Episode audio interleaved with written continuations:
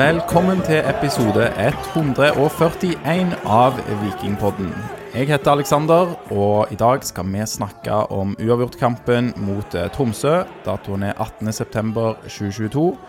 Og så skal vi òg ha en liten bolk om Vikingpodden sin fantasyliga, som er endorsed av Viking FK offisielt. Så det er vi veldig glad for. Eh, med meg i dag, Lars, Læren fra Madla. Velkommen. Takk for det, Alexander. Og mannen som burde få alle hobbypodkastere til å skjelve med ærefrykt. Han trekker trådene i Rogalands største og mest populære podkastjournalist i Aftenbladet, Leif Tore Lindø. Velkommen. Eh, Tusen takk. Og det er selvfølgelig jeg som skjelver i buksene her. For at nå er jeg liksom uh, Dette er en eh, tredjedivisjonsspiller som er liksom oppe på besøk i eliten. Så uh, hvis det er noen som er nervøs her i dag, så er det moi. Det var jo hyggelig å høre. Vi hadde jo håpet at du skulle bære det litt, sånn, pga. min nervøsitet, men det får jo ja. Ja, jeg, jeg, jeg skal prøve å gjøre mitt, eh, prøve å gjøre mitt beste, altså. Men, eh, men jeg tror nok eh, jeg, jeg påstår jo at det er fotball jeg egentlig har greie på. Altså, Jeg snakker, kan jo snakke på inn- og utpust om hva som helst. Så I svake øyeblikk sier jeg at men det er fotball jeg egentlig har greie på. Og så hører jeg jo på folk som egentlig har greie på det, så tenker jeg nja, kanskje ikke, men eh, ja, jeg, jeg, skal, jeg skal gjøre mitt. Vi har troen, og nå har jo du fått eh, sett denne kampen. Du, det ble rett fra bursdag, og så så du kamp, var det Ja, jeg sånn? gjorde en fryktelig prioritering i dag, nemlig, og det er at kona fyller året. Og, så, altså, og jeg vet jo at det er ikke god nok grunn til ikke gå ikke være på stadion, sant? Men så er det løye med det hvis du skal ha kona som varer en stund, så må du liksom være hjemme når de har bursdag og sånne ting. Så jeg eh, måtte rett og slett være hjemme, eh, gjennomføre en bursdag, og så eh, fikk jeg sett kampen på TV, da. Men jeg liker jo best å være på stadion, jeg. For meg handler liksom fotball om om sånn følelse og liksom eh, Jeg vil sitte og se greiene. Jeg vil sitte og fryse. Jeg vil sitte og bli varm. Jeg vil reise meg opp og nesten klemme han kompisen som sitter på sida. Jeg driver ikke og klemmer folk, men altså Hvis vi så Overtidsskåring, f.eks., da kan jeg begynne å klemme kamerater. Det, ja. så- så det er liksom Fotball for meg handler mest om de greiene der. Så jeg liker best å være på stadion, men i dag ble det TV. Men de neste 51 ukene, da har kona di ikke bursdag, så da er Det har ikke, da er det ingen unnskyldning, selvfølgelig. Ja. Ja, ja. Men du, eh, Leif Tore, du er jo et eh, kjent navn for eh, mange som eh, ja, leser Stavanger Aftenblad, eh, følger Viking, eh, hører på Aftenbladet osv. Men eh, det er ikke sikkert alle vet hva din story med Viking er. liksom. Hvorfor sitter du her i mørkeblå drakt? Ja, altså vi- vi, har jo, vi er jo alle sånn geografisk belasta liksom, med, med et eller annet lag. Men jeg, jeg husker veldig godt hva det var som gjorde at jeg liksom, første gang fikk denne følelsen for Viking. Det var altså En av mine beste kamerater på barneskolen heter Thomas Hegre. Det er sønnen til Kurt Hegre, som er keepertrener i Viking. Eh, De bodde på Hommersåk. Og Kurt Hegre var jo altså Det var ikke bare Viking, men det var landslaget. altså Han var en størrelse, sant? Det skal ikke mye til for å bli en størrelse på Hommersåk, men Kurt Hege var jo en sånn, sånn fotballmessig. Så jeg fikk lov å være med, ikke, ikke bare på kamp, men på trening med Viking. Så vi fikk lov å stå liksom på sida, sende bort noen baller, være med og rydde litt. Så fikk vi være med inn i garderoben, sånn tidlig 90-tall. Jeg har liksom stått der mens eh, Gunnar Aase og Yngve Bø flekker shortsen, og med sjokk og vantro liksom sitt eh, Ja, vi fikk, vi fikk liksom Det var ikke det å se Gunnar Aase naken som gjorde at jeg ble Viking-fan, men det der å få, være, få opp, liksom oppleve det fra den sida der, da da ble vi sånn die hard. Og da begynte vi liksom å sykle fra Hommersåk til Stavanger for å gå på kamp og sånn. Det var det er jo drøyt langt, i hvert fall når du er barn. jo, Altså, jo, jo, men sant, har du ja. sett Gunnar Aase naken én gang, så er, da er du liksom fanga i det der vikinggreiene. Men nei, altså, det var da vi begynte, sånn gamle stadion, og folk måtte trekke alle sammen fordi at flere ville inn. Og, liksom, og det, der, det var denne tida der du er sånn 9-10-11 år, og de tingene som setter seg da, de setter seg hardt. sant? Det, det, det, da blir du ganske sånn die hard. Så da begynte jo liksom eh, ja, karrieren som sånn hard vikingsupporter. Eh, og det har jo vært en blanding av eh, litt sånn nedturer og kjempeskuffelser. En, annen, eh, en annen win, da. Men det var der det begynte, og sånn er det ennå. Var du der på sidelinjen i 91, da? Altså du, Ja, det var jeg. ja. Ja, ja. Og da hadde du begynt å gå på trening med Kurt Heger òg? ja, da han begynte å gå på, på trening. Ja da. Så jeg kom jo inn Altså begynte jo dette liksom i en sånn god tid. Og så trodde jeg jo det skulle være sånn inn i evigheten. sant? Vi skulle vinne alt. Jeg var helt sikker på at Viking var liksom eh, verdens beste lag. Altså kom til å bli verdens beste lag. Så ble det jo ikke helt sånn. det går, I siden har det jo liksom gått ti år mellom hver gang det har vært en eh, skikkelig dryler, da. Men eh, Ja, Å være fotballsupporter handler jo først og fremst om å ha det vondt. Og så får du ta de seirene du får. Ja, som du sier òg. Det er litt sånn geografisk, geografisk betinga, og noen ting kan man ikke velge vekk. Og man Jeg bare må ha det, jeg òg. Jeg kjenner jo det, selv om Ja. det er mye vondt. Og ni av ti dager så ønsker jeg jo at jeg kunne slippe, fordi at det er så mye smerte knytta til det. Men uh, det der med å gå på stadion, f.eks., det er jo en sånn smertefull opplevelse. Altså, du har vondt før, og du har ofte vondt mens det foregår. Og i mange tilfeller så har du litt vondt etterpå òg. Så hvorfor vi holder på med dette, er jo helt Vi burde jo gjort noe annet med tida vår, men her sitter vi. Det gjør vi absolutt. Og um, vi skal jo snakke mye om, eh, om kampen i dag, og vi pleier å starte med å snakke om Vikings sin inngang til kampen. Og ja, jeg tror jeg kan snakke for oss alle når jeg sier at det har vært eh, Jeg vil kalle det vingling, men vi kan i hvert fall være enige om at det har vært mye rullering og mye endringer eh, i det siste. Men i dag så får vi Viking i en eh, 3-5-2, og Lars, du kan få si først. Hva syns du om eh, måten Viking angriper denne kampen på? Jo, det, det er jo alltid litt sånn spenning i kommer de 4-3-3, 3-5-2, og så legger de ut laget, og så vet du fortsatt ikke helt eh, om de, hva de kommer med. Um, og denne uka har det vært litt eh, sånn Altså, det har jo vært det der møte med trenerne, og, og de vil prøve å gjenvinne supporterne, og Felt O mobilisert og sånn. Så vi håpet jo kanskje mange av oss på en 4-3-3 og storme ut fra start. Så møt, men samtidig så er Tromsø et 3-5-2-lag, og det har vi snakket litt om før, at 3-5-2 er en vanskelig formasjon når du spiller 4-3-3 og bryter ned. Så det var ikke sånn veldig overraskende. Litt overraskende at Svendsen kanskje var, var vraka etter å ha kommet inn og skåret. Men eh, ja. Litt som forventa fra din side.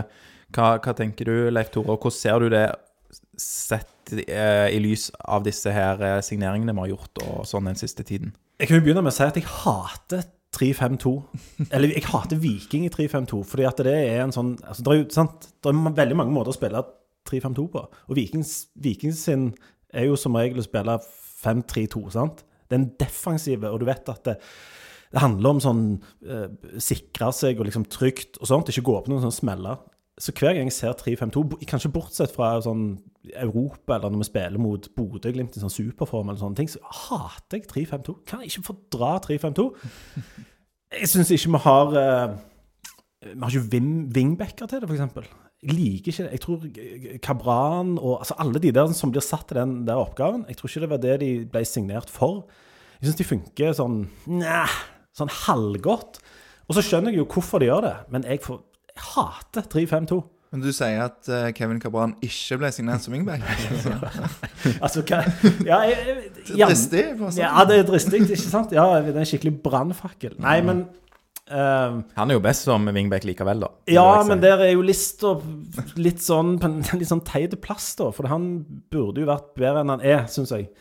Um, men jeg liker, ikke, jeg liker rett og slett ikke Viking i 3-5-2. Jeg syns òg det, det der med bytta fram og tilbake, så jeg skjønner jo det, at det skal vurderes fra kamp til kamp og sånn. Men jeg savner jo ett system, og sånn Viking, sånn spiller vi, og så bånn gass. Og tror òg det er lettere kanskje å gjøre de der spillerskiftene inn og ut når, når det er sånn tydelige roller og sånn. Og særlig, det, jeg synes det er litt sånn symptomatisk at når vi ser hvem som skal spille, så er det fremdeles ikke vet vi fremdeles ikke, Er det 3-5-2, er det, er 4-3-3 og sånn? Og det sier noe om at det greiene har liksom ikke satt seg skikkelig. Så kommer det jo for så vidt greit ut i dag, da, men eh, Ja, nei, jeg er jo enig. Det har vi jo snakka mye om før òg, at for mange ting Altså i podden her har vi om det, at for mange ting har vært i spill for Viking lenge. En ting er jo formasjon, men med formasjon så følger jo òg eh, roller. Og som du er inne på, Leif Tore, så er det jo en veldig defensiv tilnærming Viking har i 3-5-2. Og så er det gjerne mye i spill òg eh, hvem spiller i disse posisjonene i de forskjellige formasjonene. Og Så da har du to variabler, og så er det en tredje sånn Ja, hvordan skal jeg løse den rollen min i dag? Så det, det er mye som Det er for mye, tenker vi òg, da. Men det jeg vil si, da, vi kan jo gli over i kampen. Fordi Viking i 3-5-2 innledningsvis gjør jo noe som jeg mener jeg ikke har sett eh, de gjør i den formasjonen før. Og det er å sette et effektivt høyt press. Kan jo bare forskuttere det med en gang at det varer ikke lenge. men, men det ser rett og slett litt sånn koordinert ut, som eh, dere kanskje husker å ha sett eh, Viking i, i de beste periodene i 4-3-3, eh, anført av Veton, som har forlatt oss. Eh, men i dag så ligner det på det, og det går kanskje an, da, i den formasjonen òg, men eh, dessverre bare ikke så lenge. Så det, det begynner jo i hvert fall bra. Det, det gjør jo det. Og, og det kan, kan si, kulminerer jo i et, en vakker skåring mm -hmm. med målsniken uh, sjøl, nemlig Rolf Daniel Vikstøl. Fantastisk heading. Helt, det er helt strålende mål. Ah. Og Der får du den følelsen av at det er, der er, der er, mye der er en del folk oppe der, og det er liksom trøkk rundt. og Sånn, Så- sånn som du potensielt kan få da, med to, to uh, spisser og folk på flankene som kan, kan gå opp. Um, så det var helt strålende. Det målet var jo fantastisk. Altså, Vikstøl, som jo vi snakker om som om han er 53, eh, stiger opp der liksom helt, helt strålende. Um, og vår finske venn Jeg er ikke så stiv i finsk. Har vi funnet ut 100 hvordan vi uttaler det? Lars vet det. Ja. Nathan Skutte. Skutte. Ja. Ja, så ikke Skytte. Så det Han sa. Jeg har intervjuet han, skjønner du, så han sa det sjøl. Så da, derfor føler jeg jeg kan si det ganske stor sikkerhet. Ja. Nei, men sant, det, var, det var jo ei perle. Sant? Altså, og, og det fikk du følelsen av at han der fyren han Nei, jeg er kanskje sånn som kan prikke de der ballene, da. Og så Når Vikstøl dukker opp der, så sant, det er jo sjokk og vantro på, på en måte, men eh, fantastisk mål. Veldig kjekt og eh, fortjent eh, for Rolf Daniel Vikstøl, som ikke har fått så mange minuttene denne sesongen. Og fantastisk òg at trenerne velger å la en venstreback spille venstreback, wingback, i dag. Da. Ja, det er jo eh, barne, det er brannfakkel, sant? Ja. Folk spiller der de kan. Jeg syns det er en veldig interessant eh, tilnærming til det med fotball, altså. Vågalt. Eh, vågalt. Opp i hjørnet av vinkelen. Det får ikke lenger opp i krysset, så det var fantastisk. Eh, god start. Og du, Lars, som er den eh, av oss som tar de mest eh, nøye notatene, hvordan uh, syns du førsteomgangen her pro progresser? Ja, hva skal en si? Det, det blir jo mye i notatene mine 'Viking ligger lavt'. Eh, blir jo skrevet ned. Og på flere tidspunkt så ligger hele laget til Viking innenfor 30 meter fra eget mål. Eh, så det blir litt sånn følelse av at eh, nå skal vi låse igjen. Vi skal kontrollere inn 1-0 resten av kampen. Så det er egentlig ganske Hvis jeg skulle oppsummert resten av omgangen med ett ord, så tror jeg ville sagt kjedelig.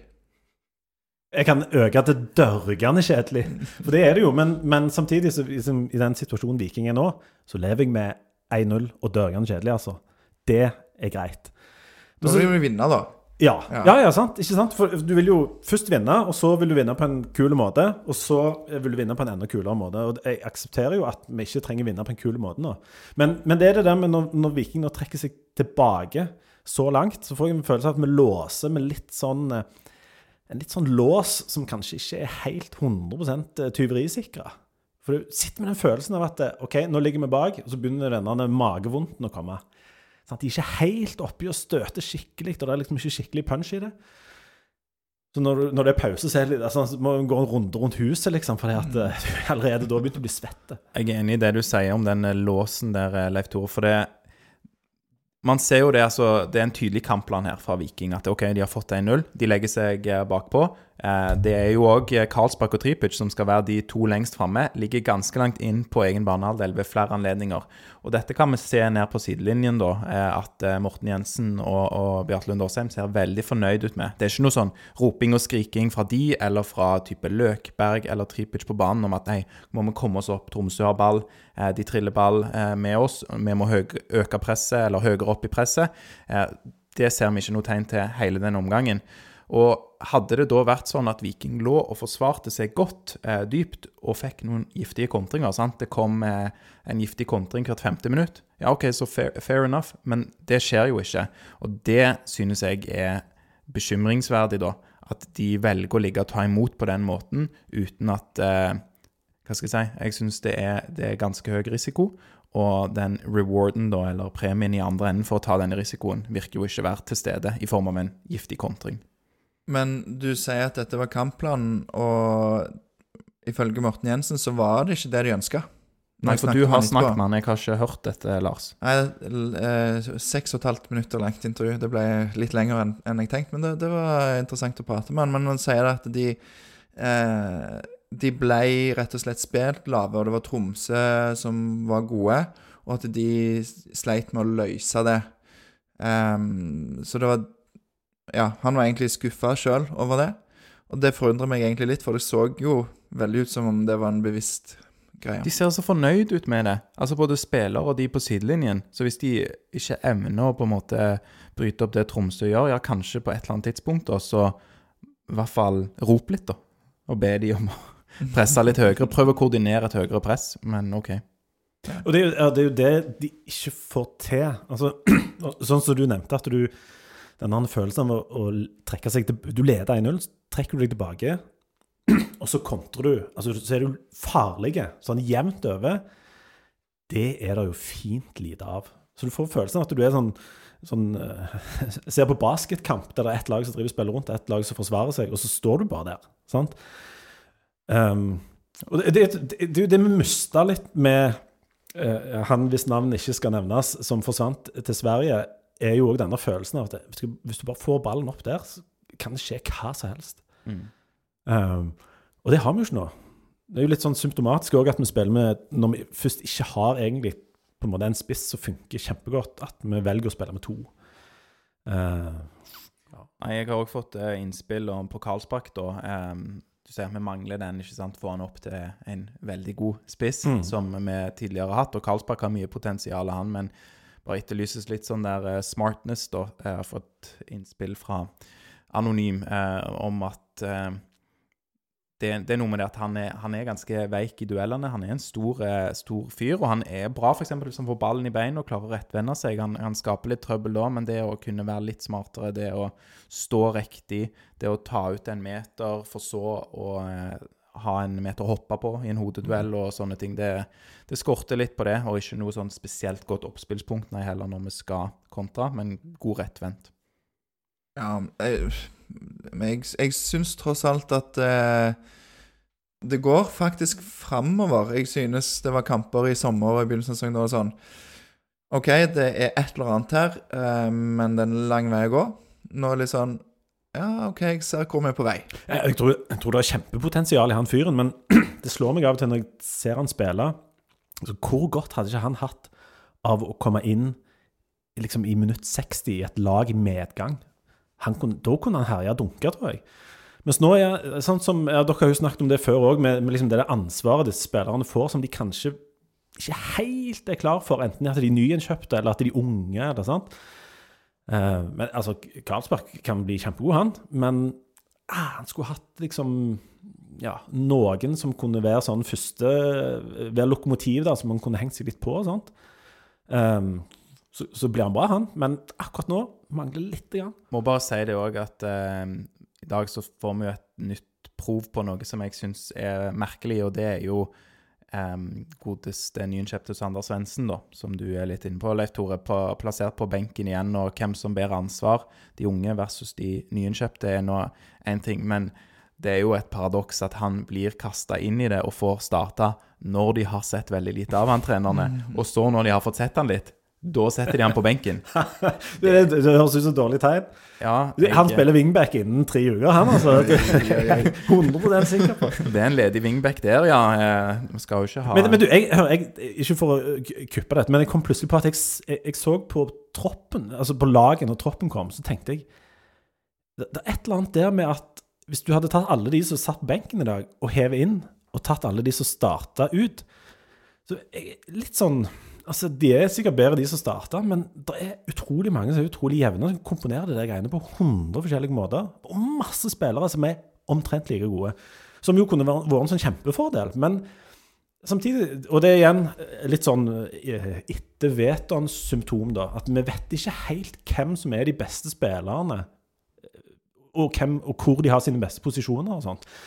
Så å være to trenere som skal komponere dette her nå, det er liksom eh, det, ja, Det er litt, litt for jevnt, rett og slett. Ja, og britene snakker jo om det der eh, know your best eleven-greiene. Altså trenere som ikke vet helt hvem som er de elleve beste.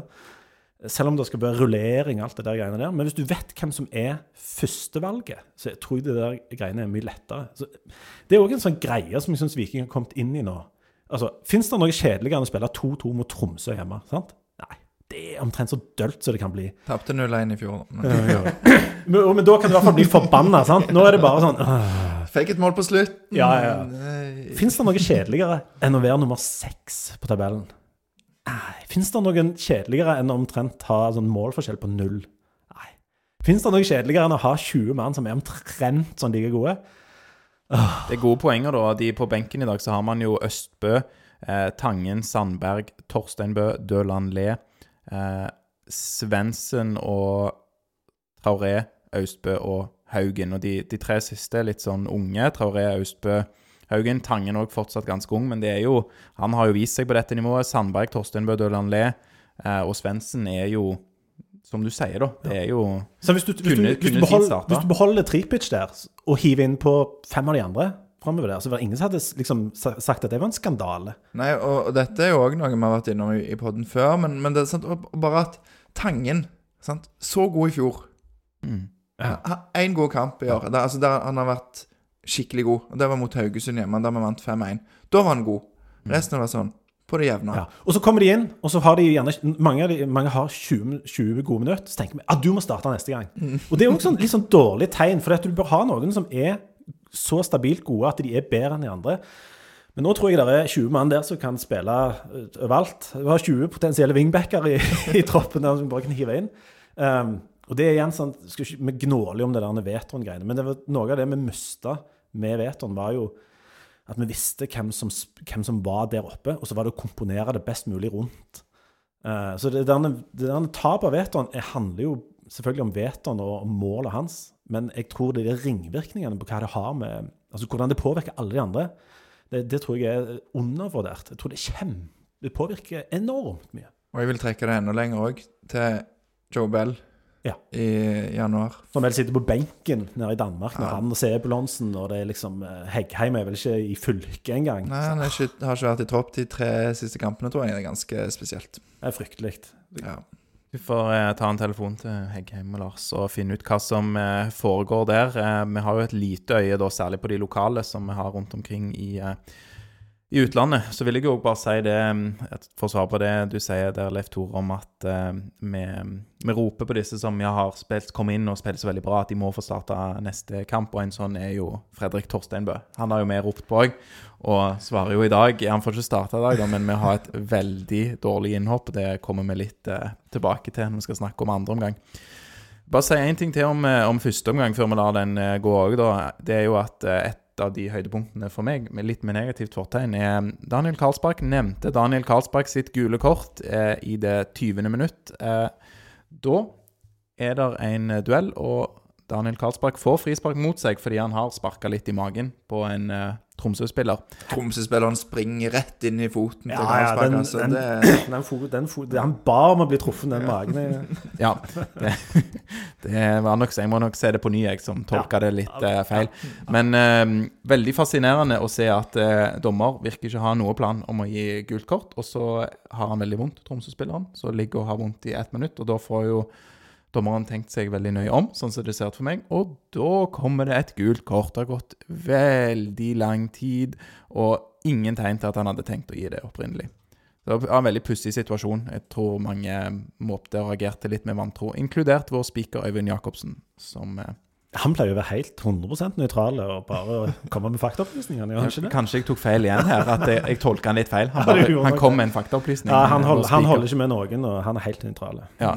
Jacobsen er en fantastisk speaker, men han er alltid helt nøytral. Ja, det er godt å høre. Da har jeg kanskje misoppfatta litt, så ja. Ehm, ja, nei, men Vi kan gå videre til um, andre omgang, og andre omgang den fortsetter dessverre litt som uh, det vi så i første. At Tromsø får lov til å ha ball, og den eneste forskjellen er at nå klarer de å konvertere uh, ballinnehavet til et uh, mål. Hva er det som skjer der på 1-1, eh, Lars? det er jo um, Altså En av de cornerne som Tromsø får i kampen. Merkelig måte å gå ut på av Gunnarsson. Eh, han liksom eh, tar begge hendene og liksom dytter ballen istedenfor å knytte nevene og slå han, sånn jeg ser det. Og, og da blir eh, klareringen, da, eller utboksingen, blir ganske kort og ut i farlig område. Et godt skudd via enten en fot eller Gunnarsson opp i tverr. Og så bare legger stopperen Syché Tar ballen ned på hodet og legger den til beina og skyter via både Bjørsol og Vevatn i mål. Ganske utrolig at den får lov å gå inn. Det er jo sånn Er ikke det sånn mål som vi får når det ikke er flyt på noe? For det er jo litt sånn klabb og babb-aktig. Det det er så mange ganger at den kunne sprutte Viking sin vei der. Nemlig. For han er jo innom alle wingbackene i hele troppen. Ja, det er faktisk stoppa han innom, da. Men det er sånn, det er sånn drittmål. Og det, det er sånn du tenker Ja, vi er der. Og jeg synes ikke det, det er ikke dårlig av er det Bjørsvold og det er på strek. De gjør jo det de må. Ja. De skjønner hva som kan komme her, og de prøver å stille seg riktig. Og så er det, de er jo på begge to, som du sier, Lars. Og det er, det er jo uheldig, men det er jo, det er jo Gunnarsson der. Ja. Han er jo litt sånn i volleyballmodus. Litt sånn uh, Fint legg. Ja, fint, fint opplegg. Sånn uh, Jordan Pickford-aktig Altså, det er et eller annet sånn Han gjør jo noen sånne ting. Sånne som eh, Kurt Hegre, da, som fikk meg inn i denne elendigheten. Du skylder alt på deg, Kurt. Eh, sånn, sånn som sånne stø, 100 stødige keepere ikke gjør. Og han er jo 90% stødig, eller noe sånt? er ikke det? Han er bedre enn Arild Østbø, syns jeg i hvert fall. Han er det. Han, altså, han er jo åpenbart en god keeper. Men, Men det er noen sånne småting, sant? ja, og, og akkurat i denne situasjonen så hadde det kanskje vært fint med Østbø, for han hadde kanskje ikke gått ut der, og da hadde Vevatnet stangen unna, for han var rett bak der. Så um, ja. Men optimalt så skal han slå den langt vekk. Jeg tror han ombestemmer seg. Jeg tror han har tenkt å holde han, og så ser han at Ja. det går ikke. Det er derfor det blir sånn halvveis. Og så er det sånn keeperforbannelse, sant? fordi at det er ikke en tabbe, men det er en litt sånn dårlig involvering, og så er det ja. enormt sånn kritisk. Altså, de der, den, hvis du vurderer den som en sånn OK, det er 50% involvering, da. Sant? Alle de andre spillerne har jo 900 de i løpet av en kamp. Og så selvfølgelig, når keeperen gjør det, så går det til hundene. Så. Men da sitter du med hendene i, i fanget sånn ah, ah, Vi er der igjen. Ja. Mm. Liksom, du har et håp når det går til pause, om at nå skal de skru litt til, få på plass det presset og gå ut, som, sånn som vi så i første omgang. De skal få det til å sitte. Og så får vi den i fleisen etter bare tre minutter. Og det, og det, der med, det der med å starte i 100 etter pause, det er jo søren meg like vanskelig som å skape fred i Midtøsten. Altså, det, virker, det er helt umulig Det er et veldig det godt poeng, for det, det er jo mange ting i fotball, typ, gjerne typisk mål, men òg det kan være publikum, det kan være eh, skader, f.eks., eh, som oppildner og som endrer kampbilder. Det kan òg være eh, drøying av tid, altså eh, Kristoffer Løkberg faker en skade, eh, sånne ting. Men som du sier, pause, det å liksom klare Nei, nå går vi ut og gjør kampen annerledes. Kanskje med bytter, og kanskje med endring av formasjon eller posisjon. Selv om det føler jeg òg vi ser at Viking gjør, kanskje switcher kantene og sånne ting. Ofte har ingen effekt. Å, Jo, Og så er det jo det, det Alle lag vil jo ut Altså, nå. Nå, nå vi gir 100 fra starten av. Det handler jo om starten av kamper òg, sant. Men det der å komme ut etter pause i 100 Jeg tror også det er så sinnssykt effektivt å få det der overtaket i de tre-fire første minutter. Men vi er ikke der. Men det endrer seg jo litt da igjen, fordi at det kommer et mål. Og mål preger kamper. Og om det er da at eh, det er Tromsø som ikke evner å holde ballen i laget, som de har gjort før, eller om det er Viking som får et spark bak, det er jo kanskje to sider av eh, samme sak. Men det blir vel eh, gradvis bedre. Og blir det bedre før Viking gjør byttene, Lars? Eller er det når byttene kommer at vi spiser oss inn i kampen? Det jeg skulle til å si, at jeg syns ikke det blir så mye bedre før eh, byttet i det 60. eller 59. minutt skjer, med Solbakken og Kabran ut, og Svendsen og Hvem var den andre som kom inn? Um, nå må jeg Elan sjekke. Ley kom vel inn på et tidspunkt? Yes, det var Janni. Janni. Og den andre. Og, eh, og, og da legger vi òg om til 4-3-3. Hurra! Da jubler jeg! Så kjente jeg Ja. nå! Nå! Og da- så Da ser det jo Da ser det jo mye bedre ut med en gang, eh, selv om det går bare tre minutter for Tromsø en veldig stor mulighet. Men sånn i det store og det hele, så så Det presset sitter bedre offensivt, og, og vi f- jeg føler mer at denne kan vi faktisk vinne. Mm, og så er det sånn òg eh, Jeg mente jo at em, Solbakken hadde hatt en god kamp eh, fram til da, eh, Lars, og du var litt, eh, litt uenig. Og jeg lurer på om jeg skal ta og gå litt tilbake på det jeg sier om at han har hatt en god kamp. Eller jeg syns han gjør en grei kamp, og jeg syns han driver fint med ballen i, i beina, men et uh, innspill jeg fikk, var jo at uh, vi, trenger en spiller som rett og slett uh, slår mer baller. Slår baller i lengderetning, fordeler ball. Fordi drivene til Solbakken i dag er ganske bra. Noen av de er jo imponerende, men så ender det opp med en pasning rett til sida. Og Ja, man Altså, flytter jo ikke ballen. Det blir ikke noe ut av det. Nei, man flytter jo ballen raskere når man sentrer ballen, enn når man springer man sjøl. Han har sånn ø, ø, Jon Samuelsen-syndrom, der det er mye greier og mye, mye sånn Egentlig ganske god sånn fart og energi og liksom sånn, men det resulterer jo ikke i så mye. Altså Det er litt sånn ineffektivt noe av det han holder på med, syns jeg. Og så synes jeg. Han er jo så åpenbart en sånn fyr som det er mye mer som kan virkelig bli, bli bra. Og jeg vet ikke om han, jeg skal ikke si at han minner om Joe Bell, men han hadde jo også en sånn, litt sånn innledning der han ikke, det ikke gikk veldig sånn fort, og det var litt sånn omstendelig, da. Mm. Eh, jeg syns vel kanskje Solbakken er, har, Jeg synes han var altså Når Viking var gode, så syns jeg han var at det var liksom det var mer sånn retning med han. Nå er han eh, Han er brukbar, han, men det blir liksom eh, Han håper han er ung altså- nok til at han kan ha godt av en, en ny preseason, f.eks. At uh, det tar steg og ja. Hvis ikke vil jeg bli skuffa. Uh, men, men en annen ting som òg skuffer meg i dag, er at han Det fører faktisk til en del farligheter for Tromsø når han enten spiller vekk ballen, eh, har et par ganske eh, fæle feilpasninger, og mister ballen. Uh, skutter for et gult kort pga. Eh, en gang der han bare går seg vekk. Jeg trodde det var Skutte som var skyld i noen. Jeg mente han òg hadde et par sånne fæle feilpasninger, men eh, kanskje det var Ja, kanskje det var begge. Men jeg, jeg noterte meg i hvert fall eh, de til Solbakken eh, i dag, da. Så i dag har jeg sett på det, da. Tydeligvis. det er jo litt sånn hva en ser på, hva som en husker, da. Så nei Men bra å ha Janni tilbake, da, for han inn i, kan spille i den ankerrollen der. Ja. Hvis- Med mindre han blir wing- wingback, han òg. Ja. han, Men han kan òg spille overalt, det er det som er med han. Men, men Alle han, kan spille overalt. Alle Men- kan være wing- wingback. Men de burde, jeg skulle ønske at de prøvde å sette noe Uh, Spesielt hvis, i, i motgang er det viktig å få satt noe. Ja. tenk hvis Janni hadde vært uh, skadefri. Ja. ja, men tenk hvis det var fred i Midtøsten òg. Altså, Ja. Det er jo noen ting du bare aldri får. Men eh, altså, han er jo Han hadde jo vært fantastisk hvis han hadde vært på en måte en hel mann. Men han er jo 75 Han virker jo 75 Ja ja, det, og det er jo fælt, sant? Mm. Alle elsker jo han. Men han er jo Han tror jeg er en av de som kunne ha Altså eh, Gjort mer i sånn høyt press, altså alle de der tingene der. Kunne gjort mye. Kunne gjort mye med ballen. Han, jo, han burde jo liksom herje på dette laget. Men han eh, Du ser når han i sommer, f.eks. mot Rosenborg, og det var en annen kamp altså, Det var et par kamper der på rad der han var sånn Har, har, med vi Janni nå? Ja. Har vi Janni? mm. Har et Og nivå som så- de fleste ikke har der. Og så bare forsvant han uten at det ble sagt noe om, for alle skjønte at han var skada. Det ble, var ikke sak i Aftenbladet, det var ingen som sa noe. Det er ikke nyheter at Janni er skada. Alle bare visste ok, han er ikke med i troppen, han er skada. Ja, så nå er han kjekt å sende tilbake, og håper han holder, holder lenger. Mm. På. Vi kan spille oss inn til en sjetteplass. Nei, nei, noen må jo avgi poeng der oppe òg, så det, det kan jo Vi har hatt gode høstperioder før vi får leve i Nei. troen. Og det er alltid noen som punkterer i toppen.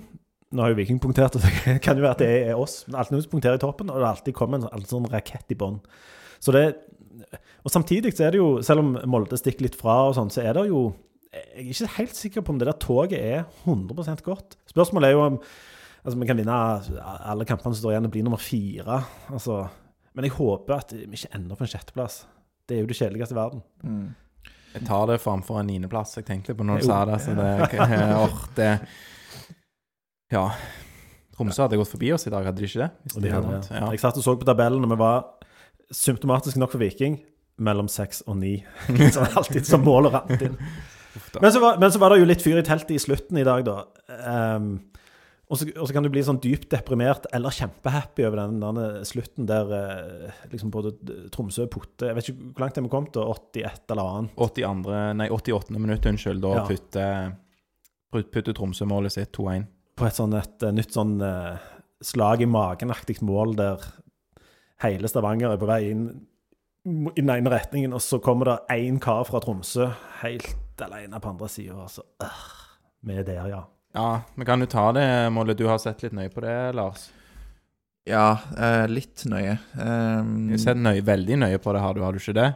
ikke så nøye som jeg gjerne har gjort før, for jeg så at Torstein Bø slår vekk ballen.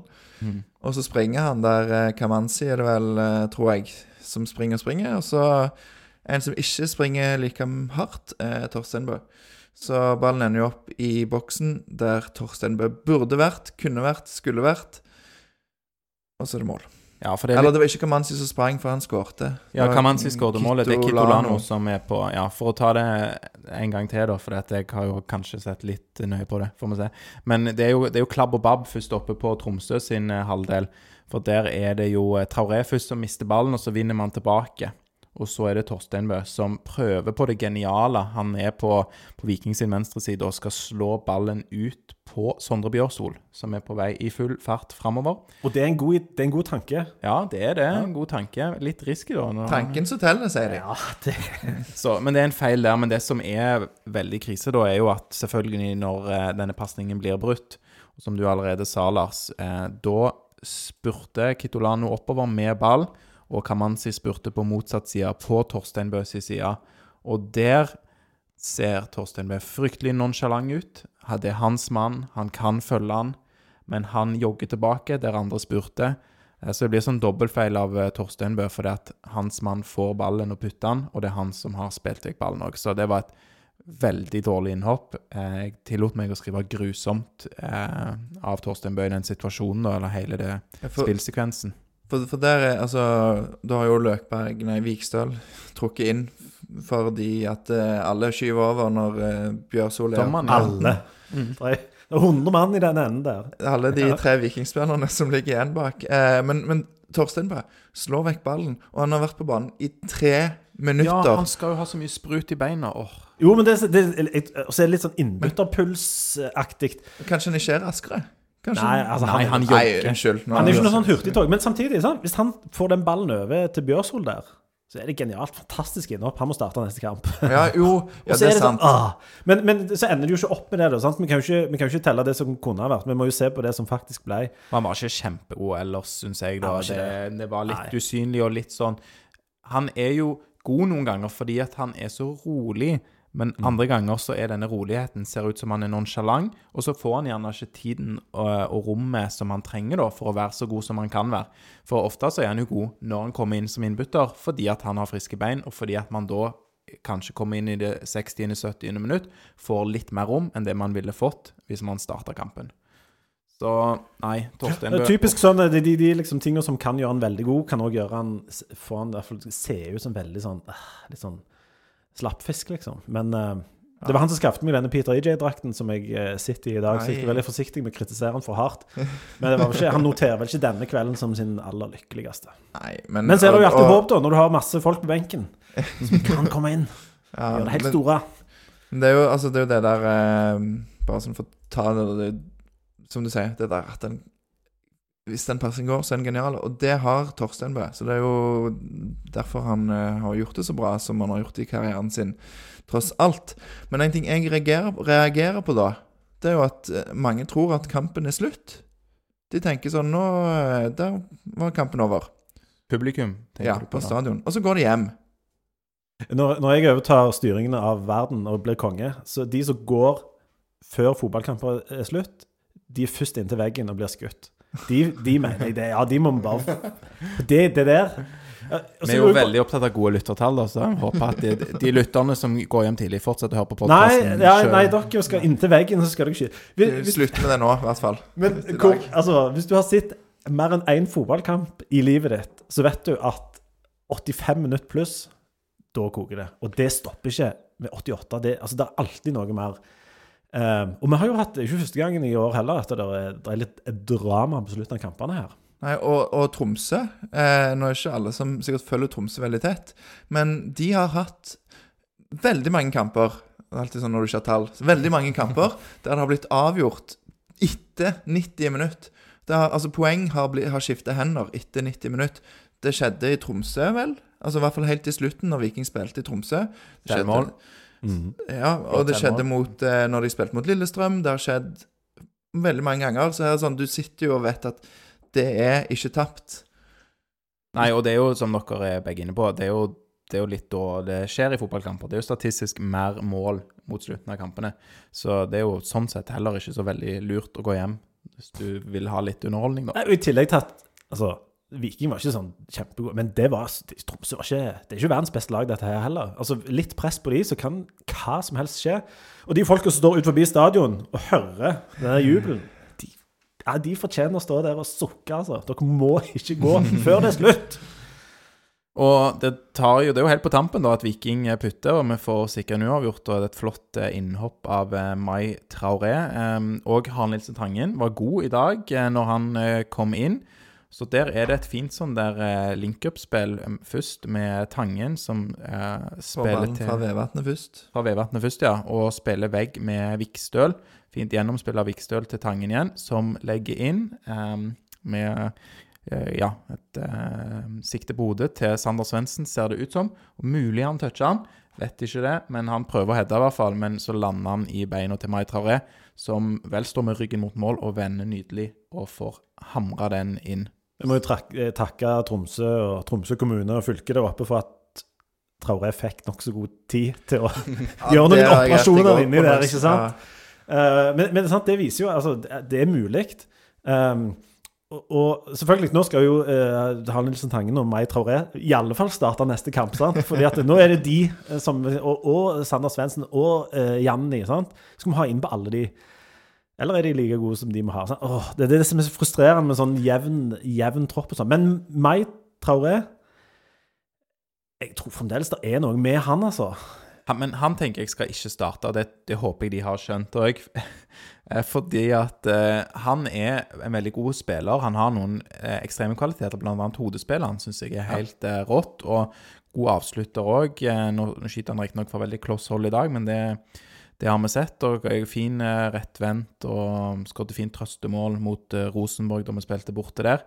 Men han syns ikke jeg er veldig god med mindre det hva skal jeg si, er den der urgencyen, med mindre det er litt sånn Hawaii at eh, man, man pumper litt baller inn der han kan spille hodespillet sitt. Når Viking spiller med ganske sånn god struktur og har ballen i laget, så, så føler jeg at han ikke fungerer helt. Han fungerer dårligere enn Karlsbakk, f.eks., tenker jeg. Og jeg tror jo jeg kanskje høres ut som jeg er litt høy på meg sjøl, men at der har Morten Jensen og Batty sett det samme som meg.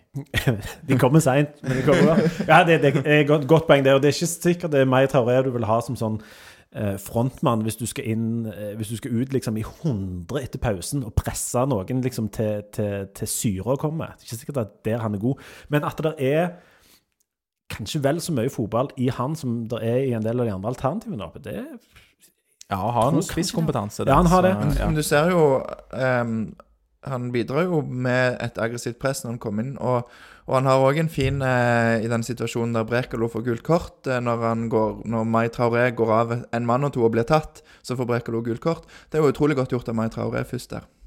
Ja, det er jo det. Og ikke bitter i det hele tatt pga. det gule kortet til David Nei, det er jo selvfølgelig altså, Du hører jo på situasjonen at her skal David Brekalo ha gult kort. Men var det, var det Mai Traoré som ble tatt der på vei fram, ja, av Suchet? Mm, Det var ikke Suchet, tror jeg, som tok han, men uh, det var en uh, Jeg føler alt som ble gjort av Tromsø, var han suksess. Altså. Jeg synes han var liksom Han var overalt. med overalt i dag, Ja. det er sant. Han burde jo faktisk, synes jeg, hvis dommeren hadde litt eh, baller, så hadde han tatt og Jeg leter etter et annet ord for baller, sorry, men hvis han var litt, eh, var litt mann, da, hvis han var litt eh, Litt tryggere på seg sjøl, eh, til- håper jeg. Jeg vet ikke hva, nå, nå famler jeg bare. Nå Ro- roter du deg inn i noe, men en, vi skjønner båt. hvor du vil. Ja, hvis, hvis dommeren hadde villa og turd, Mm. så hadde han gitt gult kort til Suchet. Sitt andre gule for uthaling av tid. Ja. Det syns jeg hadde vært helt nydelig. For når han står og skal ta femmeteren der For det var jo av og til at han eh, tok femmeter og spilte tilbake til, videre til keeper. Um, det tok lang tid. Da hadde det vært gull å fått det. Absolutt. De gir jo aldri på det, så det er jo lurt å, å bruke det for det det er verdt. Men han er jo òg eh, tøft inne i en duell eh, ganske rett etter han får det første gule, Suchet. Så på en måte, det kunne fort vært det første gule hvis ikke han hadde fått det. Og sånn det, er det jo med dommere, at selv om de har en situasjon som tilsvarer gult kort, hvis det er gult kort nummer to, så er jo terskelen veldig høy for å gi det. Men i alle fall hvis du da har et par situasjoner til som er gult kort nummer to, så begynner du jo å nærme deg at Men det, det forteller en del om hvor, hvor, hvor liksom viktig denne psykologien er i fotball. Altså, Etter du har fått et gult kort, så vet jo alle fotballspillere at da kan du dra til skikkelig. fordi at terskelen for å gi deg det andre gule kortet rett etterpå er jo kjempehøy. sant? Det, det skjer jo veldig sjelden at du får sånn to kjappe gule. Uh, og det er en sånn psykologisk er det, tror jeg For spillerne er det også for oss som da f.eks. sitter og følger med eh, i denne lidelsen Viking, så er det jo òg sånn psykologisk enormt mye bedre å ha skåret det siste målet i en 2-2-kamp enn å liksom få at Tromsø skulle ha gjort det. Så det er et par minutter mellom de målene. Men jeg sitter jo jeg, og ikke er sånn dypt deprimert og må legge meg inn på psyk fordi at eh, Viking skåret det siste målet. Det hjelper egentlig utrolig mye. Det har mye å si. Det har, Det har mye å si, altså. Ja. Det er jo eh, Jeg skal ikke si at det er en halv seier, for det føles ikke sånn for meg heller. Men eh, som du sier, rekkefølgen på ting og momentumet man tar med seg, da, som, Ja, ja. som lag og som supporter òg. Det betyr jo sånn Det gir jo en opplevelse på stadion, og sikkert hjemme i stuen òg. Ja, det gjør det. Og, det, og sånn, for tabellen betyr det absolutt ingenting. Det var revnende likegyldig. Altså, vi kunne jo bare ha stått helt rolig i 90 minutter delt poeng og gått hjem. Så hadde vi hatt samme liksom, poenger som vi har nå. Men det er den i skallen at vi kommer inn, og, og liksom at uh, Mai Traoré putter i 90 pluss eh, Sykt viktig. Nå, er- nå er det muligens håp med en landslagspause og liksom Hvem vi skal ha neste gang? Er det Ålesund eller noe sånt ræl? Ja, jeg tror det er Ålesund borte Ja. neste 2. oktober. Ja. Og siden vi skårte sist nå, så mener da er det håp. Hvis Tromsø hadde putta sist, samme resultatet, da, hadde, da kunne vi bare Spesielt før klubben, pausen, altså. ja. Den lange pausen som er nå. Og, og du merker det Altså jeg merker det i mixed zone, der spillerne og trenerne kommer sånn. Så merker jeg ganske forskjell på f.eks. NRK sto ved siden av meg og snakket med Morten Jensen og Gaute Helstrup. Mm. Ja, ja, Det var utrolig fortvila Tromsø-trener, altså. Eh, mens Morten Jensen var litt mer sånn Ja, vi viser karakter, kommer tilbake og, eh, og sånn og sånn. Eh, så, så det Ja, jeg, kanskje mer for, eh, for troppen og spillerne at liksom Yes, vi klarte det. det Og så tar vi pause på sjetteplass nå istedenfor niende. Det tror jeg òg er litt sånn Du vet når, når, du, når du må scrolle ned til ned, andre halvdel av tabellen. Det er deprimerende greier. For da, da føler du at nå er det liksom Bryne og Sandnes Ulf og sånn ræl som venter oss. Uh, bare det å være på øverste liksom, halvdel Nei, det, det er jo tynne, tynne ting å ta tak i dette her, men det hjelper litt, grann, altså. Ja, for det, i en periode der alle pilene har pekt eh, nedover, så var det i hvert fall en, en seier og en uavgjort, og håper vi at det var et eh, båndpunkt. Mm. Uh, men nå er på vei eh, opp eh, igjen. Dette båndpunktet har jo vært i to måneder. Tre måneder, kanskje. Det er litt kjedelig. Det er litt langt, langt båndpunkt. Åh, ja. Eh, men Viking i dag, vi har jo snakket litt om at de evner ikke å ta tak i kampen, og jeg syns det er vanskelig å, å sette børs. Eh, jeg må innrømme òg at eh, nå vet jeg jo det som du sier, at Morten Jensen har sagt, Lars, at det var ikke kampplanen at de skulle ligge superdypt og forsvare seg i 3-5-2. Og det betyr jo at spillerne kanskje ikke evner da å ta tak i kampen på den måten som de ønsker, spesielt i første omgang, og sånn sett at flere spillere egentlig kunne fått litt trekk da, for sin eh, innsats eh, på laget. Jeg har jo valgt eh, å tolke, eller valgte jo da å tolke dette som en veldig dårlig kampplan. En kampplan jeg ikke er enig i, og at det gir litt sånn det glatte lag til, til Batty og Morten der. Men eh, det var jo som så du kan utføre oppgavene veldig, veldig, på en veldig god måte, eh, men så er det en veldig dårlig oppgave du har fått. Ja, nettopp. Der Sånn. sier du det bedre enn jeg gjør det. For hvis det er det spillerne har fått beskjed om å gjøre, ja, så løser de det på en ganske god måte. De forsvarer seg jo greit i 5-3-2, men det er jo ikke det jeg ønsker de skal gjøre. Vi vil at de skal angripe 4-3-3. Ja, Hvor vanskelig kan det være? Ja, Få gang på det. Men eh, de, de var jo tydeligvis ikke løste ikke den oppgaven heller så veldig bra, for det skulle ikke se sånn ut. Så OK, godt mulig vi kunne trukket spesielt disse lederne på laget, da, forventa litt mer av eh, Slatko og Løkberg og sånn. Ta tak i det og pisk fram og, og evne å holde litt mer i ballen. Men uansett, da. Best på børsen til Vikingpodden i dag, David Brekalo. Var du enig i det, Lars? For du var litt inne på Rolf Daniel Vikstøl, som òg hadde en god kamp. Mål preger jo kamper, og ofte børs òg. Eh, sånn er det. Eh, Vikstøl eh, leverer, leverer bra, eh, men jeg er egentlig enig i at Brekalo nok gjennom hele kampen eh, var nok involvert på god, godt nok vis til å bli banens beste for Viking. Det, for det som er litt, eh, egentlig litt bittert på en måte òg, er jo at når Tromsø skårer i 88. minutt, så har de hatt eh, nada framover på banen ganske lenge, hvis jeg husker riktig. Og noe av grunnen til det er jo rett og slett at eh, Tromsø, når de eh, skal eller har klart å snappe ballen da fra Viking sitt eh, høye press, så spiller de gjerne langt, og eh, på utspill, hvis det er sånn, så spiller de langt eh, på han eh, spissen eh, sin, hva heter han? Eh, kan man si. Nei, det var ikke Kamanzi jeg tenkte på. Nordås. Ja, før han går ut, ja. før han går ut i det 77. minutt eh, spesielt. Da.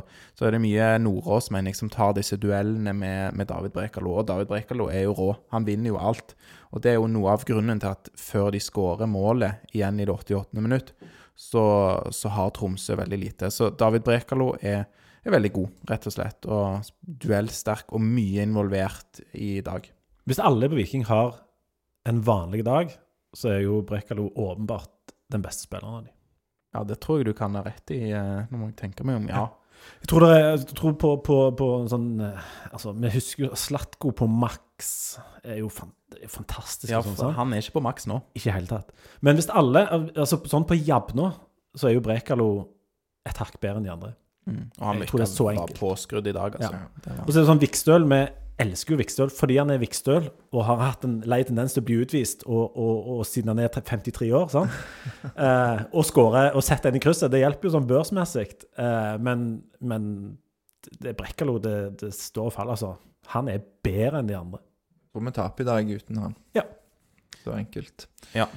Og eh, Vikstøl er veldig solid, men eh, tidvis så skjer det lite på hans kant. Og òg etter de legger om fra 3-5-2 til 4-3-3. Um, da er det klart at Viking har jo én mindre forsvarsspiller bak der, og det er Kevin Cabran som går ut. Og da er det jo Viking sin høyreside som blir utfordra i stor grad. Det er Bjørsol da, som får uh, kjørt seg uh, litt. Og klarer jo å avverge de fleste farlighetene, men det ser Ja. litt skummelt ut av og til. Sammen eller med, med hjelp, for han, han Kamanzi på kanten, han var god. Mm. Han eh, nummer 14 på Sånn Tromsø. sinnssykt uromoment som du tenker at uh, den dagen du treffer på alt, gutt, så er du Ja, helt der oppe. Og så har du sikkert noen sånne off-dager, men han, uh, ja eh, Du ser jo at han òg Han kan. Ja. Vi har jo egentlig kanskje oppsummert denne kampen ganske greit, altså tatt det kronologisk òg, men som du sa tydeligst, Leif Tore, så er det jo dette med momentumet vi tar ut, da. Kanskje med etter denne 2-2-skåringen og nå inn i pausen. Er det noe annet dere vil si fra denne kampen her? Uh, nei, annet enn at jeg er enig med Slatko Tripic. Jeg spurte han helt til slutt. Går du hjem, Er du fornøyd når du går hjem i dag? Så svarte han nei.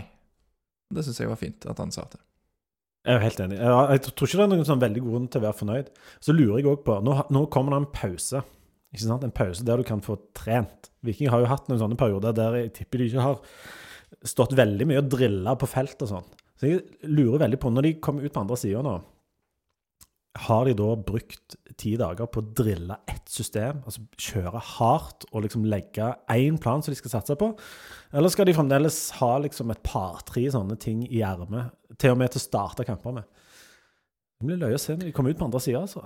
Jeg følte vi så eh, prov på noe Hva skal jeg si Som resulterer Eller kommer av ei hele treningsuke allerede i dag, og det er jo Nathan Skutte sitt eh, forsvarsarbeid. Ja, det la jeg òg merke til. For det var noe helt annet enn eh, når han eh, kom til klubben. Noe helt annet enn da han spilte ja, var det mot, eh, mot Rosenborg, eller eh, der det er ingen urgency i det defensive arbeidet. Og i dag, før han òg ble bytta ut, så var det, var det bra. Og var nede og hjalp Bjørsol etter de hadde lagt om til 4-3-3, f.eks.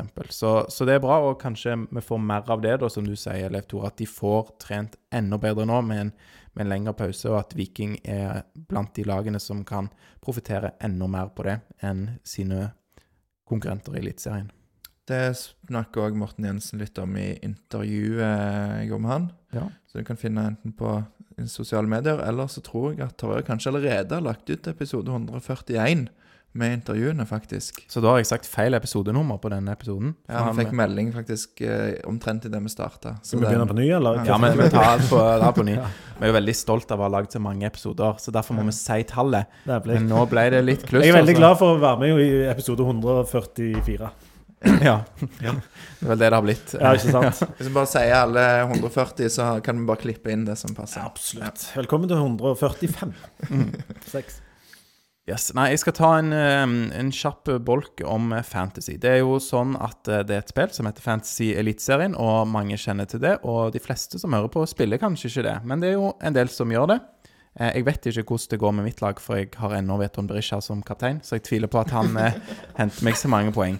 Så, så ja, for de som har null kjennskap til dette, så da setter man jo opp sitt eget lag med spillere fra Eliteserien og ser hvor mange mål for eksempel de skårer, og hvor mange poeng de får på andre ting.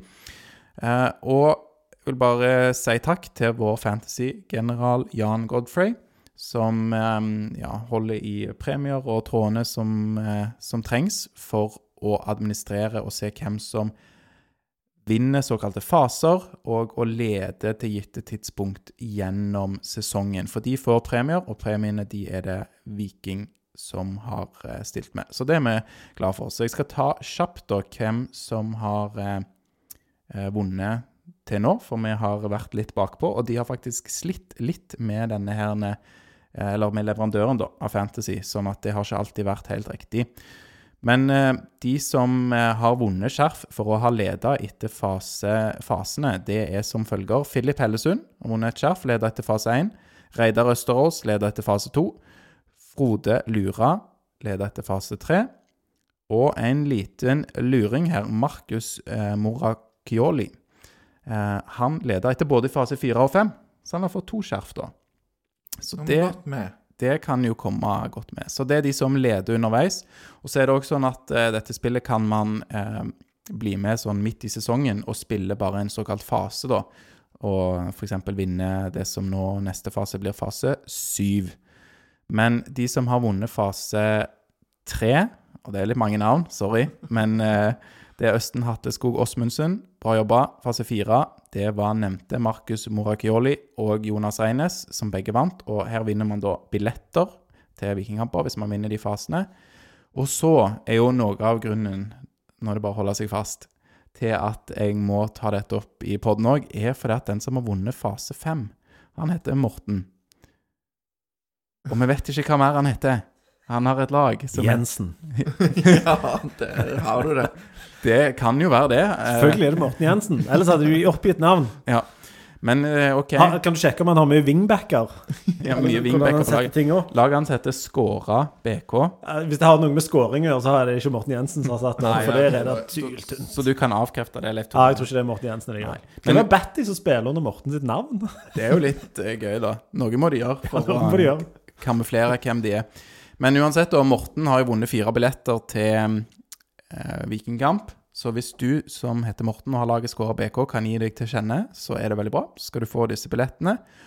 Og hvis du er Morten Jensen, så kan du jo fortsatt gi deg til kjenne, men det kan jo være at det er tilstrekkelig med de tolv gratisbillettene du får til hver kamp til å dele ut til venner og familie. Fantastisk hvis det er Morten Jensen. Ja, Ja. det, Det hadde jeg likt. det er bra. Disse premiene er jo da delt ut egentlig av Viking fotballklubb, ikke av Vikingpodden, som er, administrerer på en måte dette, da, for de. Ja, de ville ikke lage en konkurrerende liga, så det satte vi pris på. Så da gikk vi sammen om det. Så da har jeg på, fått nevnt en masse navn, og ja, bra jobba. Kan òg si at eh, Camilla Herrem var nummer to. Oi. Var veldig nære. Så det er jo litt stas når de som er litt kjente, da spiller her. Så håndballspilleren Camilla Herrem, hun spiller Fantasy Eliteserien og er med i Vikingpodden-ligaen. Så bare stå på, så vinner du nok en Camilla. Herrem, det var hun som skrev Tore Tang, det, var det ikke det? Stemmer. Det er fantastisk. Ja, Altså. Det er fin sang. Camilla Herrem, altså. Det er imponerende. Ja, det er sterkt. Den eh, kan, Altså, folk kan jo gå tilbake og høre den delen om igjen hvis de ikke hang med på hele. Det kan jeg anbefale. Åh, det er kjedelig, da. Nå, må jeg gå inn, nå skal jeg jo si noe veldig viktig, men nå må jeg jo gå inn etter vi har spilt inn episoden og se om vi mista lyttere idet jeg begynte å snakke om eh, fantasy. Hvis ikke du mister lyttere der, så kommer du aldri til å miste Jeg er veldig glad i våre trofaste lyttere som hører alt. Ikke sant? Ja. Det er vi. Og det jeg skal si nå, er at eh, Vikingpodden har eh, et vips nummer som er 765728. Og der kan folk gå inn og støtte oss, fordi ja, alt vårt innhold er gratis, og vi har litt uh, utgifter. Så det setter vi veldig pris på. Vi har ganske mye mer utgifter enn inntekter, hvis noen lurte på det. Det er sånn når Litt har, sånn som Viking i perioder dere driver. det er sånn når vi har sånne profilerte gjester som Leif Tore Linde, f.eks., så er det jo klart det går hardt utover det budsjettet. Da. Jeg Så- gjør ikke dette gratis. Det kan jeg, det kan jeg love deg. Altså, her, er- her er det enorme honorarer ved sving. Bare den med taxiregningen fram og tilbake fra Ja? Kjensvoll. Ja, jeg ba jo altså. taxien kjøre om Oanes for sikkerhet for at dere skulle få liksom nok utgifter. Da Så dere, folk må vippse Bare ta, lån penger og vips. Lån i banken, vips det her til. Gjør det nå. Si nummeret en gang til. Nummeret er 765728. Veldig bra. Takk, der spilte du oss gode, Ja. Leif Tore. Vil du si hvem som vant det fantasy-greiene en gang til òg, eller tenker du at det er greit? Markus Moria Colli. Han Nei, vi går ikke inn på det. Ja. Nei, jeg, er- jeg er tom her, da. Hva episodenummer var dette igjen? Ja, det er 141 eller 142. For dessverre har vi kanskje sluppet en episode mens vi spilte inn denne. Ok. Ja. Uvrient hvis det er noen som sitter og slipper episoder mens Nei, dere holder på. Du, det blir kanskje 143? Oi, oi, oi. Nei, hun, hun, nei nå ble det helt Det går helt i Nei, nå mister du lyttere igjen. Ja. du må, det, det er Nå liksom, må vi eh, avslutte. ja. Ja. Men du, kan, kan jeg spørre dere om noe? Ja. Når, når dere har sett liksom hvordan Viking har eh, altså hvordan, En merkelig sesong, dette her. Vi var jo verdens beste lag i Hvor lenge? Mai. 16. mai. 16. mai, ja. Eh, sant? Eh, og vi hadde vel en eh, målforskjell på som var eh, helt i verdenstoppen. Sant? Eh, og så bratt ned, og så flater det ut nå. sant? Um, det vil jo si at det er helt umulig å bli klok på dette la mannskapet og liksom der som klubben er nå. Fordi at eh, Altså, hva skjer herifra inn? Det, dere har jo, dette må dere ha tenkt på. Når du sier inn, så tenker du sesongen. Ja. Nei, Det er et veldig godt spørsmål. Eh, For min del så hadde jeg jo et, lite håp om at det kunne fortsatt bli fjerdeplass. Hvis Rosenborg snubler litt og Vålerenga snubler litt, så er det bare Altså, hadde Vålerenga tapt i dag og Viking vunnet, var det to poeng forskjell. Eh, nå er det jo mye lenger opp, og Ja, så det er liksom Det er et veldig godt spørsmål. Jeg har ikke noe godt svar, annet enn at vi må se at noe skjer. Jeg kan svare på noen andre ting, tror jeg, da, enn det du spør om. Kan du f.eks. Ja, si Veldig bra alltid Ja. Veldig fin Politiker. taktikk. Ja, ja. Jeg kan jo si at jeg hater mellomsesonger. Altså, jeg eh, hater det. Nå har jo på en måte Viking vært litt velsigna med å ikke ha det de siste årene, fordi at vi har rykka ned. Det kan man jo ikke si en mellomsesong. Eller ikke mellomsesong. og rykka opp, og um, tatt uh, cupgull og gjort det bra i Eliteserien uh, osv. Men dette ser jo ut som det kan bli en mellomsesong. Fryktelig eh, kjedelig, og òg noe som egentlig bare plutselig skjedde. Fordi at vi hadde jo noe å spille for i Eliteserien.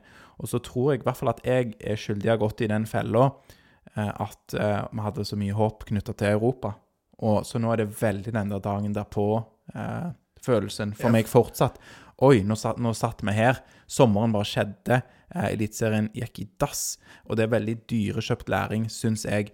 Morten og Batty tror jeg er riktige folk for vårt lag, men det er mye de ikke har vært igjennom som trenere.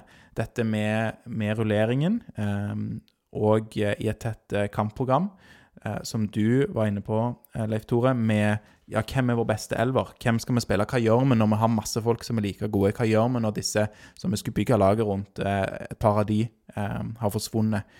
Det er veldig, veldig dyrekjøpt, og det er selvfølgelig dumt. Og hadde vi ikke hatt Europa i sommer, så hadde det jo vært en deprimerende høst. Altså, det hadde vært deprimerende sommer, for det, alt kollapser jo da. Og, og hvis du går inn og ser på den rekka Viking har i Eliteserien der, det er altså så, så mye rødt at det gjør vondt. Det er fryktelig. Og så, hvis vi ikke hadde hatt Europa, så kanskje denne fargen hadde vært annerledes. da, sant? At den hadde vært grønn. Problemet nå er at vi sitter i sånn eh, Altså, etter det europagreiene begynte, nå er vi jo i sånn det verst mulig utfall av de greiene. Det der europagreiene gikk nesten. Og så sitter vi og, og, og dunker mellom sånn sjette- og niendeplass.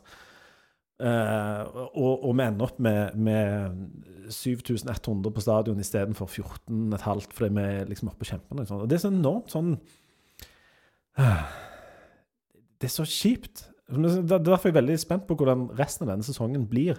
Fordi at Hvis de nå begynner å vinne igjen, og dunke inn et par og, og, og sånt, så tror jeg denne optimismen Jeg tror det er mer å hente i denne optimismen og, og der publikumsgreiene og sånt, men de er liksom helt avhengige av liksom å komme seg opp på denne hakket igjen. da. Ja, for, jeg tror nå, etter å ha tenkt litt mens dere har sagt noe lurt, eh, at det er ganske viktig, faktisk, det som er igjen nå. For hvis vi Altså, sesongen er slutt, vi spiller uavgjort og taper og ender på 9.-10.-plass, eh, så bygger du ingenting inn mot neste sesong. Men hvis du klarer å skape ei rekke, du klarer å begeistre litt med spillet, eh, så får du plutselig litt fornya håp inn mot neste år. Og jeg tror at Eh, det var jo Felt O hadde disse bannerne, så sto det fem år å bygge opp, tre måneder å rive ned. Jeg tror ikke at det er revet så langt ned at det ikke er mulig å bygge opp igjen med en god kamprekke nå. Men hvis det fortsetter med den, det poengsnittet som de har hatt de siste kampene, så river, rives Ja, det det, mer ned. det der med at, vi, at det ble revet ned, det er jo bare rør. Altså, Vi kan ikke si at vi har revet ned noe som helst når vi liksom ligger altså, En sjetteplass i Eliteserien. Du, du har ikke revet ned noe, noe da. Altså, da er du, det er bare litt sånn Ja, det var litt sånn middels eh, sesong, så vi har ikke revet ned noe. Men, men denne inngangen og liksom farten du får inn i en ny sesong ehm, Da skal gjerne inn noen folk. Sant? Vi trenger jo stadig wingbacker som er omtrent like gode som de vi har. Et par spisser som er like gode. Eller sant? Det skal fylles på. Et par det med- spisser som er kanter. Ja, ikke sant? Og et par kanter kanter som kan være spisser, og gjerne eh, noen sånne midtstoppere som vi stadig spekulerer i om skal opp i midtbaneleddet, for, sånn at midtbanespillerne kan spille wingback, eller sånn, for 100 muligheter. Men det er, jeg syns alltid det er noe med denne slutten av sesongen som gjør at eh, de der par siste kampene, som ofte blir litt sånn bingo Altså, de kan vippe den ene veien, de kan vippe den andre veien, kanskje du vinner Altså det er noe der som gjør at, i hvert fall for, mitt, for min litt sånn enkle syke, så betyr det noe hvordan denne slutten av sesongen er. Selv om, er, selv om det forskjellen er gjerne mm, åttende- eller fjerdeplass, da. De, det greiene der, det betyr noe for meg, i hvert fall. For at jeg skal sant? Skal jo lide meg gjennom dette neste år, uansett. Men det er så mye bedre hvis vi kan gå inn med litt sånn eh, Husker dere slutten i fjor? Ja, Men det, men det er jo det som gjør at det er òg litt spennende, fordi at eh, noe som er overraskende på det tidspunkt, eller det, det punktet vi befinner oss på nå i sesongen, er at faktisk så er en Ja, det, man har ikke revet ned det eh, på tre måneder, det som er bygd opp på fem år, men det, man har revet ned noen ting som skulle være på en måte fundamentene, og som jeg trodde vi skulle klare bedre med oss videre. Og det er jo litt dette med 4-3-3. eh, Hvordan hvordan spiller vi der? Det, det er litt revet ned. Eh, Noen spillere som har fungert veldig bra før, fungerer ikke like bra nå. Og det er jo har gått det er, litt, det er jo Europa og dette her med å forsvare seg inn mot gode lag og ha alt fokus inn der, som har eh, vært med å rive ned litt av det. Men alt er jo ikke revet ned. Men vi er jo avhengig av å få det på, på plass. Og mye som vi allerede har sagt, da, er jo avhengig av denne landslagspausen. Ja. Hva som skjer, og hvordan vi kommer ut av den.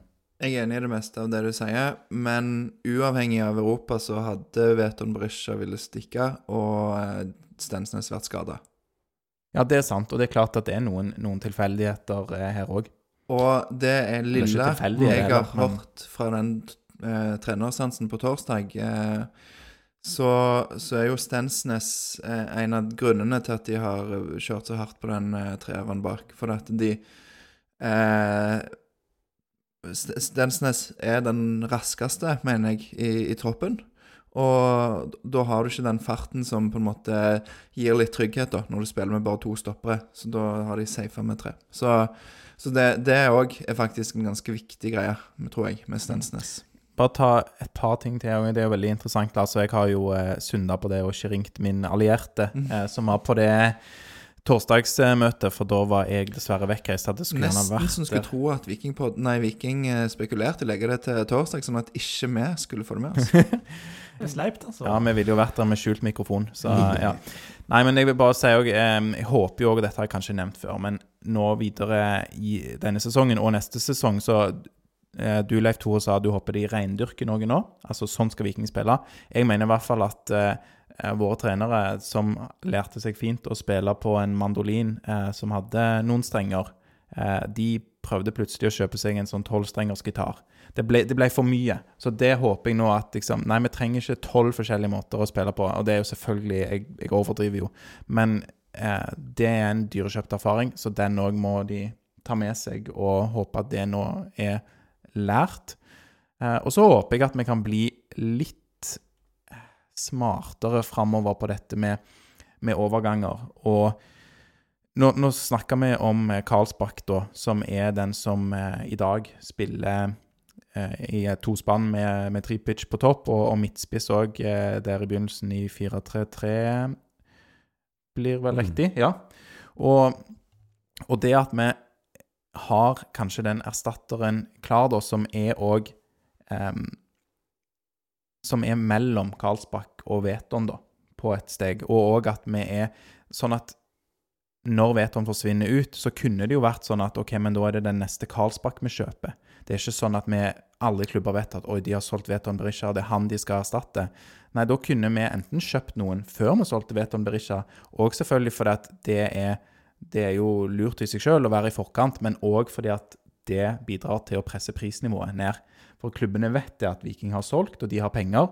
Eh, så da vet de hva, hva sjiktet vi, er nødt til å, til å, sikte i, da. Så ideelt sett så kunne det jo vært sånn at en wingback, Kevin Cabran, er jo egentlig spiss.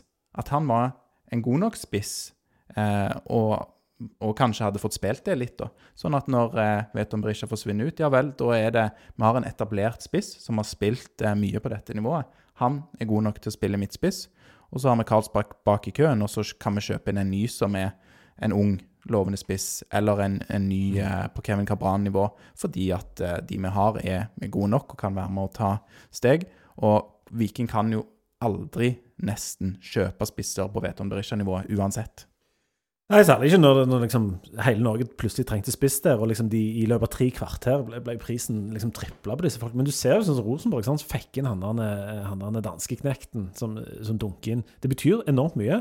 Og så tror jeg òg dette er sånn eh, eh, amatøranalyse fra, veldig fra utsida og på lavt nivå, sikkert. Men Det er ingen amatører i Vikingpodden, så det er bare... jeg, jeg, jeg, skal bare snakke for meg sjøl.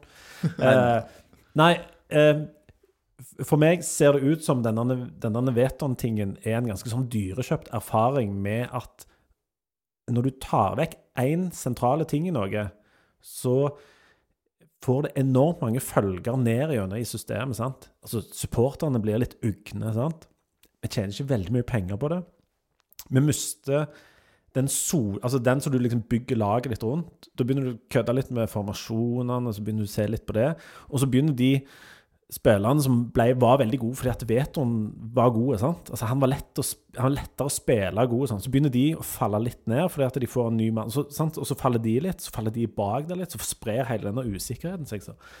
Og det er jo, jeg skjønner at Viking må, må av og til må selge spillere, men det viser hvor enormt viktig én sånn en brikke kan være. da. Samme, Du ser jo av og til lag hvis de mister eh, Ikke for Dårlig parallell. Men det ordet van Dijk var litt ute for Liverpool. Altså, det er noen sånne ting der du merker at uh, det, det, er ikke bare at han store karen står der og stanger inn, eller at du har en som skårer mål, men det er enormt mye annet som skjer rundt det.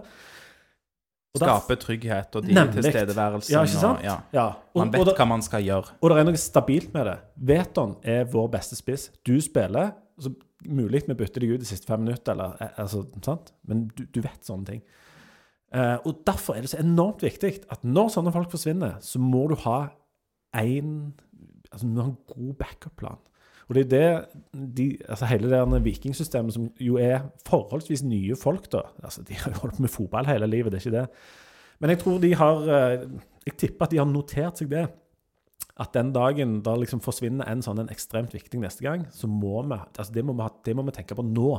Når Brekkalo forsvinner til fuckings Brønnby, unnskyld språket, eller noen, så må det være en plan. Kanskje det er den de har kjøpt nå?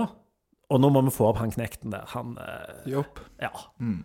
Jeg tenker bare nå eh, Altså, de, de, neste i rekka som du skal sette inn til deg og skyte, det er jo de som har skrudd av poden etter den der eh, navnerekka til Alexander. Nei, jeg skjønner at de skrudde av nå, når det fancy greiene på. men, men, det er jo deres eh, tap, da, for da får de ikke med dette her. Men eh, veldig uheldig for Viking at Dylan Vente, som nå er toppskårer i toppligaen i, i Nederland eh, som en rivaliserende avis til Aftenbladet fra Rogaland eh, kunne rapportere om. Eh, Dylan Vente.